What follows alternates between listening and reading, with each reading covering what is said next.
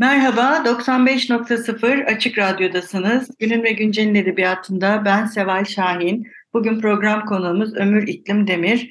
Merhaba Ömür Bey, hoş geldiniz. Merhaba, hoş buldum. Evet, e, Ömür Bey benim uzun zamandır takip ettiğim, çok sevdiğim bir yazar. E, nihayet konuğumuz olabildi. E, önce kendisinden bahsedeceğim size. Ömür İklim Demir 1980'de Adana'da doğdu. Tarsus'ta büyüdü. İstanbul Üniversitesi Hukuk Fakültesini bitirdi. 7 yıl ceza avukatı, 3 yılda reklam yazarı olarak çalıştı. Öğrencilik yıllarında çeşitli fanzinlerde ve teknoloji dergilerinde yazarlık yaptı. İlk öyküsü 2010'da Varlık dergisinde çıktı. Bir öyküsü Giovanni Scagnamillo adına verilen Gio ödüllerinde yılın en iyi öyküsü seçildi. Almanca ve Farsça'ya da çevrilen ilk öykü kitabı Muhtelif Evhamlar kitabı ile Haldun Taner Öykü Ödülü'ne Notre Dame de Sion Liseliler Edebiyat Ödülü'ne ve Ankara Üniversitesi Öykü Ödülü'ne değer görüldü. Şimdilik var olmakla meşgul. Kitapları Muhtelif Evhamlar kitabı, bu bir hikaye kitabı. Muhtedil Dalgalı, bugün konuşacağımız ikinci hikaye kitabı 2022 yılında Yapı Kredi Yayınları tarafından yayınlandı. Ve e, şimdilik tek romanı Kum Tefrikaları 2020'de yayınlandı. Bütün eserleri Yapı Kredi Yayınları tarafından yayınlanıyor. Ee, Ömür Bey'in bugün konuşacağımız Muhtedil Dalgalı kitabında 14 hikaye ve bir çalma listesi yer alıyor. Çalma listesini bilerek mi eklediniz? Kitaba ben önce bir onu sorayım. Aa, e, evet e, aslında e, muhtelif evamlarda da pek çok şarkıya yer vermiştim. E, pek çok parça vardı. Fakat o zaman aklıma gelmemişti. Daha sonra kum tefrikalarında bunu yaptım. Onun da sonunda bir QR kodlu çalma listesi var. E, o nedenle Muhtedi Dalga'da da aynısını kullanmak istedim. Çünkü öykülerin e, önemli parçalarından e, olabiliyor bazen müzik. O müzikle beraber e, öykünün atmosferine de katkıda bulunan bir e, element e, yani kullanmış oluyorum. O nedenle eklemek istedim. E, okuru da biraz daha bir tık daha okuma e, tecrübesinin üzerine e, daha farklı bir katman çıkarak e, yolculuğa dahil etmek istedim açıkçası. Evet, e, zaten kitapta dediğiniz gibi mutedil dalgalı. Bu mutedil dalga bütün esere sirayet etmiş durumda. E, zaten sizin kitap isimleriniz çok güzel. Hep Teşekkür ederim. Çok isim değil mi? Hep böyle e, çok akılda kalıcı ve etkileyici. Bu da öyle. Burada bir şey var tüy. Ben onu dikkatimi çekti. Bütün böyle bir hikayelerde neredeyse bir tüy hafifliğinde oradan oraya uçuşan bir e, yapı kurmuşsunuz gibi kitapta. Zaman zaman o e, tüy ortaya da e, çıkıyor.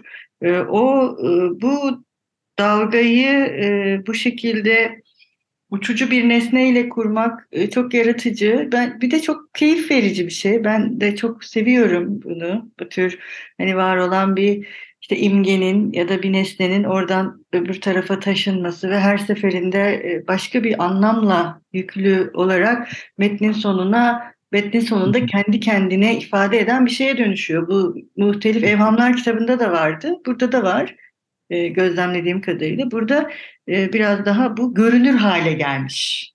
Evet. Sanki yani öyle mi ya da onu özellikle mi yaptınız bu görünür? Mesela her öyküde hatırladığım kadarıyla mutlaka dalga ya da dalgalar ifadesini kullandım. Ses dalgası olabilir, denizde dalga olabilir. Ee, yani bu e, özellikle okuyucunun gözüne girecek şekilde değil ama ben hani kendimce öyle bir hoşluk yaptım. Belki atladığım öykü olabilir ama çoğunda ya da hepsinde e, dalga ya da dalgalar ifadesi veya onu andıran e, yapılar e, mevcut. E, bu da bir e, ana çatı oluşturuyor ve o çatının altında hani birbiriyle yer yer bağlantılı, yer yer çok uzak olan öyküleri bir arada tutuyor. O nedenle böyle bir izlek e, takip ettim diyebilirim.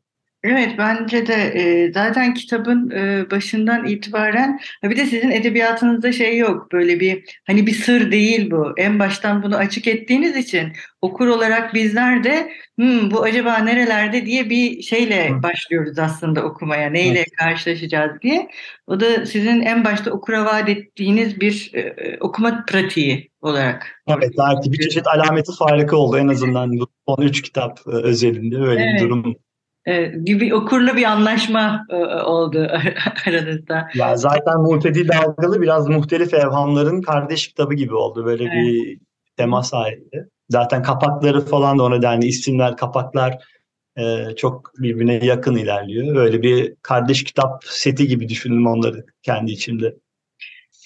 Evet, burada yine sizin e, bu kardeşlikten devam edersek aynı kahramanın farklı görünümleri hikayelerde devam ediyor. Ben burada Ercüment'i çok sevdim bu sefer. Muhtedil Dalgalı'da. Ercüment evet. bayağı... Ercüment herhalde kitabın tamamında olan bir karakter. Evet, yani. her, yerde. her yerde Ercüment gerçekten. Evet. E, bunu neden yapıyorsunuz? Niye bu yani böyle bir bir kahraman? Yani Hı-hı bir karakterin de farklı açılardan, farklı insanların perspektifinden de anlatılarak e, anlatılıp anlatılmayacağını biraz peşine düştüm. Sonuçta Ercüment'i sadece Ercüment anlatmıyor. Yeri geliyor evine giren hırsız da anlatıyor veya onun başından geçen bir olayı biz başka bir e, mesela belgesel ekibinin e, dosyalarında da görebiliyoruz. Yani aslında bir insan hikayesi kendi anlattığının dışında da pek çok parçadan pek çok hikayeden veya e, belgeden, yazıdan, e, dökümandan oluşur.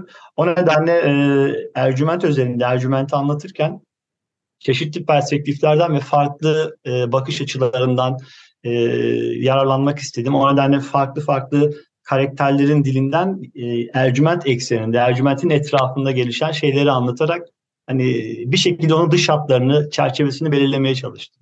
Evet aslında bu farklı bir kişisel tarih yazımı oluyor bir e, nevi. Çünkü bu yine dediğiniz gibi muhtelif evhamlar kitabında düşünürsek fragmanlar halinde e, bir araya gelen bir kahramanın hayatı aslında bizim bu ilerlemecilik e, fikrinden de işte bu tipik Benjaminci tarih anlayışını da göz önünde bulundurursak onu bayağı bir zengin bir karaktere dönüştürüyor aslında. Bu da şey yani klasik romancıların da e, böyle çok derinliğine betimledikleri ve ruh hallerini anlattıkları kahramanların karşısına yeni bir anlatım yöntemi olarak çıkıyor. Yani bu yeni bir şey değil. Eskiden beri var. Fakat siz bunu hikayede yapıyorsunuz. Yani roman formunda değil, hikaye formunda yapmayı tercih ediyorsunuz ve böylece çevre her seferinde daha da e, büyüyor. Yani bu şekilde yapmak. Hani hem öyküler pardon yani hem öyküler e, kendi içinde e, anlam ifade ediyor hem de gerekirse o bağlantılarla okursak da ayrı bir anlam ifade ediyor. Öyle bir yapı üzerine genelde ilerliyor. Evet normalde mesela şey de tercih edilen bir yöntem ya aynı karakterin bir hikaye kitabında farklı yerlerde görünmesinde böyle bir kişisel tarih anlatısı sunmak yerine onu hep aynı düzlemde anlatmak da mümkün. Bu sizin yaptığınız biraz e, çevreyi genişlettiği kadar bir de aslında onları komikleştiriyor da. Yani bu kahramanların böyle ne kadar trajik bir hayatları da olsa ki trajikler bence hı hı. onlara böyle bir hafif gülümsemeyle de yaklaşabiliyoruz bu şekilde anlatıldıklarında sanki. Ve Ercüment için konuşursak. Ya, tabii yani Ercüment'in e, hikayesini hangi açıdan baktığımıza göre değişir. Sonuçta yani komedi karakteri olarak da düşünebiliriz. Çünkü düştüğü durum, içinde bulunduğu şey, e, kendine has inceliği, naifliği, hani e, dramatik, trajik yanları olsa da e, kötü bir ruh halinde bulunsa da aslında mesela hırsız tarafından baktığımızda e, biraz daha hafifleyen, biraz daha e, komikleşen ama aşırı karikatürize olmayan bir hikaye görüyoruz ve içinde yine e, ağır bir konu işleniyor. Yani yine tam intiharla e, temas eden bir konu var ama anlatım üslubuna bakarsak onu biraz daha e, hafif veya biraz daha e, yani hazmedilebilir kılıyor. Çünkü biz orada başka birinin bakış açısındayız. E, yani muhtemelen hayatta da çoğu şey hani birine ağır gelen bir şey başkası kahkahalarla gülebiliyor. E, biraz da bu etkiyle sanırım her karakterde biraz da o tonu değiştirmeye çalıştım ama yine de e, belli bir izleyi koruyarak tabii yaptım. Hani abartı karikatürize etmeden ilerlemeye çalıştım. Ee, belki biraz da okumayı da kolaylaştırıyor böyle yapmak. Ve bir de aşinalık yaratıyor. Yani daha bir tanıdıklık aradaki mesafe de azalıyor. Evet. Şimdi bir ara verelim. Bugün ne çalalım? Ne istersiniz? Ee, yani Mutedil Dalgalı'da pek çok şarkı vardı. Arkasında da kullanmıştım. Müzik parçası vardı. Orada e, ilk öyküde geçen Asumar Alman'dan Neredesin e, adlı parçayı e, dinlemek isterim. Memnun olurum dinlersek. Peki. Merhaba, 95.0 Açık Radyo'dasınız. Günün ve Güncel'in edebiyatında ben Seval Şahin. Program konuğumuz Ömür İklim Demir'le birlikte son kitabı Mutedil Dalgalı'yı konuşuyoruz. Programımızın ilk kısmında kitabın yapısından ve bu yapıyı oluşturan aynı kahramanların ve özellikle Ercüment'in e, bütün hikayeye dağılan kişisel tarihinden e, bahsetmiştik. Şimdi biraz üslupla ilgili konuşalım. Sizin üslup önemli bir yani e, ayırt edici bir özelliğiniz eserlerinizde. Şimdi burada hem çok eski böyle ne diyeyim 30'lar 40'lar falan gibi bir dil var. Hem de çok bugüne doğru yaklaşan e, o üslubun e, bir tanıdıklığı var. O tanıdıklık da en çok bu e, karşılıklı böyle bir dertleşir gibi bu cümlelerin kurulmuş olması. Bu üslup nereden aklınıza geldi? Neden böyle bir üslup var? Yani herhalde üslup yani hangi her yazarda öyle midir bilmiyorum ama benim için üslup seçtiğim bir şey değil. Genellikle e, normal anlattığımda veya konuşurken de sahip olduğum bir yapı. Ama tabii ki e, karakterler özelinde e, üslubu değiştirmeye çalışıyorum. Yani mesela e, kum tevfikalarında bir Osmanlı subayının üslubu tabii ki bambaşkaydı ama günümüzde geçen öykülerde e, benim e, anlatım tarzımla öyküler hemen hemen üst üste çakışıyor. E, yani kendi düşündüğüm tarzda yazmak benim ister istemez üslubumu oluşturuyor ve özellikle yaptığım şöyle olursa hani böyle bir üslup olur gibi bir düşünceyle bir alt metinde e, hareket ettiğim çok öykü yok ama tabii ki örnekleri var. Mesela bir e, Sherlock Holmes postişi var. Onda çok daha farklı. Siz de onu biliyorsunuz tabii ki. Ee, onda daha farklı tabii ki. O benim üslubumdan çok o dönemin o dönemin üslubunu ve dilini yansıtmak ve o dönem o, oradaki insanların e, bakış açısını yansıtmak üzerine olduğu için orada daha farklıydı. Ama günümüzde geçenlerde e, çok daha bana yakın olduklarını düşünüyorum anlatının. Evet. Ee, şimdi kitap Danyal Bey'le yani ilk hikayenin sonundaki ve Emel hikayenin zaten üç nokta var orada e, başlıkta da. O sonra Trak ünlemle bitiyor. O da şey yine Danyal Bey'le. Ee, sanırım bu noktalama işaretleri de bilerek bu şekilde kullanıldı. Sadece yani şey değil, hikayelerin e, içeriği değil, buradaki sıralanış ve e, bu noktalama işaretleri de e, zaten ilk hikayenin sonunda ortaya çıkıyor. Danyalber Bey evet. sonunda. Bu neden böyle? Bu yani bu özellikle noktalamaya kadar giden bu dikkat neden? Aa, yani onu gerçekten e, nedenini bilemiyorum ama hep böyle yani e, çünkü ben kelimeleri e, birazcık e, fonetik haricinde tipografik olarak da görüyorum. Yani onu harf harf de kafamda e, kuruyorum. Mesela bir yerde denize atlıyorlar. Aşağı doğru bof yazıları var. Suya girme efekti. Birazcık çizgi roman efekti gibi. E, yani e, sadece anlatıyı değil de e, tipografiyi de anlatının bir parçası olarak gördüğüm için bütün e, bu araçları anlatının unsur olarak gördüğüm için hepsini kullanmak, onlarla oynamak, küçük oyuncaklar koy, koymak e, çok hoşuma gidiyor. E, okurken de benim okur olarak hoşuma giden bir şey. O nedenle e, sanırım düşünce yapımda böyle olduğu için yazdıklarıma gittikçe daha çok e, bu sirayet etmeye başladı. Evet. mesela muhtelif hayvanlarda da bir bom yazısı vardır mesela. Böyle bir kocaman patlangaç bom yazar içinde. Evet.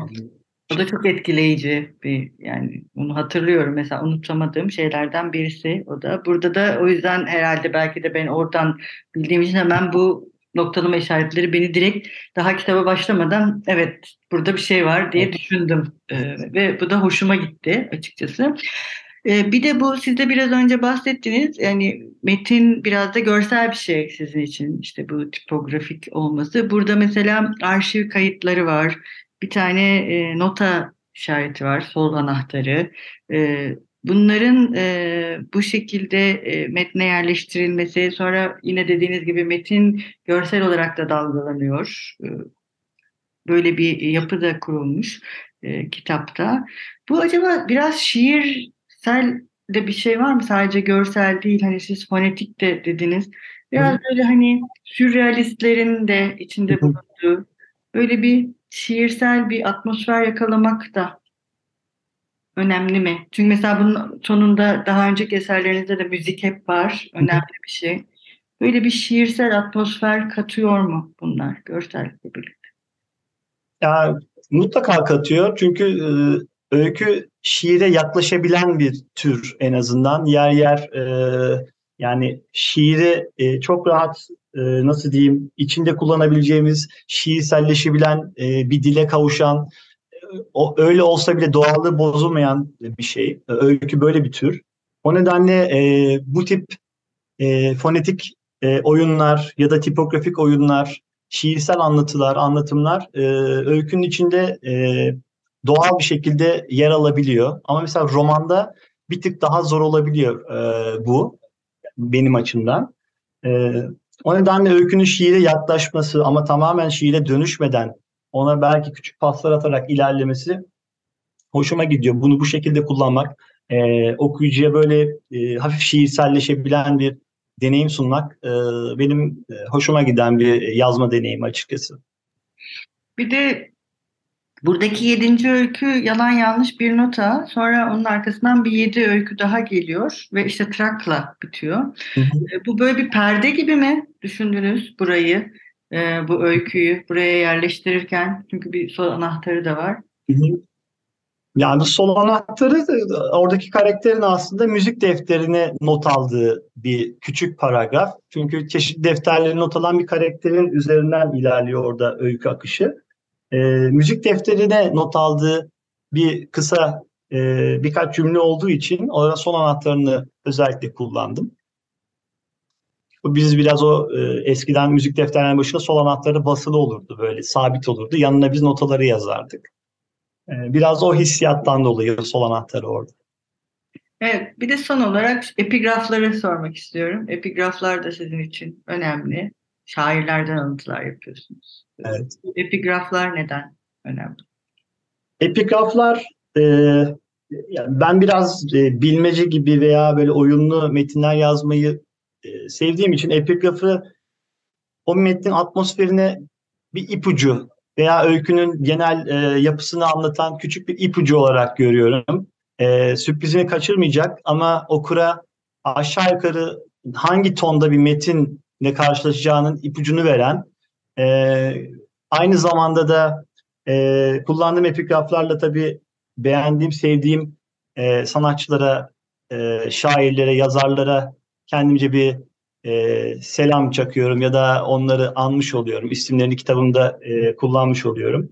Bir küçük saygı duruşu oluyor. E, yani epigrafların böyle hem bir anahtar olma, ipucu olma özelliği var hem de bir kendi edebiyat anlayışımı en azından yansıtabilen küçük e, ipuçları olduğunu, ekmek kırıntıları olduğunu düşünüyorum. O nedenle de e, hep kullanıyorum. Yani kullanmadığım herhalde hiç öykü yok yani roman dahil. Ee, evet Ömür Bey programımızın sonuna geldik. Ee, çok teşekkür ederiz konuğumuz olduğunuz için. Ee, ben teşekkür ederim davetiniz için. Mutedil Dalgalı çok güzel bir kitap. Umarız daha nice programlarda e, buluşuruz. Biz e, bitirirken okurlarımız, okurlarınız ve dinleyicilerimiz için bu kitaptan okuduğunuz bir bölümle bitiriyoruz. Siz bugün neyle bitirmek istersiniz?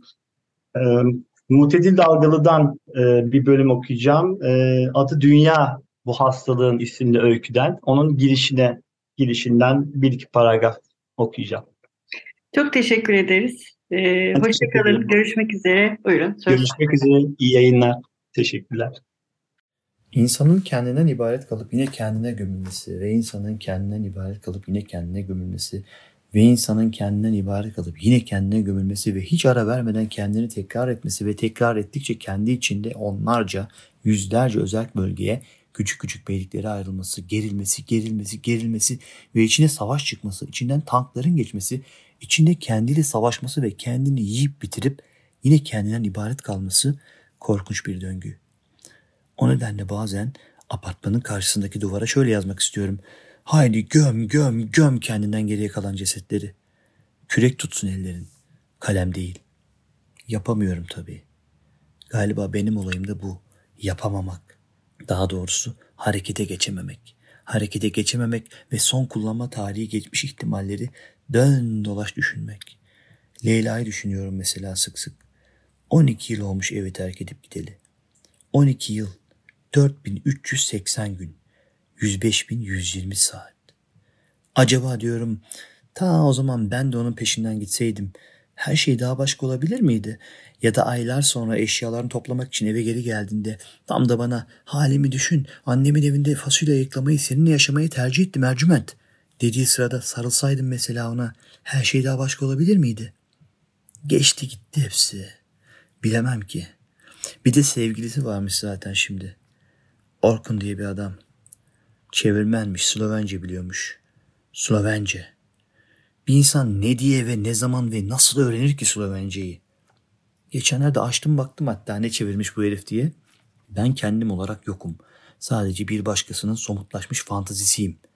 Yazıyordu çevirdiği kitabın bir yerinde. Ben de kendim olarak yokum Orkun Efendi. Ama bir başkasının fantazisi falan da değilim. Ya da bilmiyorum ya da öyleyim, öyleydim. Çünkü bazen sırf Leyla'nın kafasındaki hayal yıkılmasın, sırf onun düşündüğü gibi bir adam olayım diye başka birini oynadığım olurdu. Merak eden, ilgilenen, isimleri aklında tutan birini. Halbuki eskiden öyle yapmazdım. O zaman her şey daha farklıydı. Bir kere biz farklıydık. Ne de olsa hayallerimizin bize dost kaldığı, birkaç tane de olsa hayalimizin olduğu yıllarda tanımıştık birbirimizi. Çocukluğun solgun hayaleti ortalarda yokken ya da biz o çocukluğun ta kendisiyken.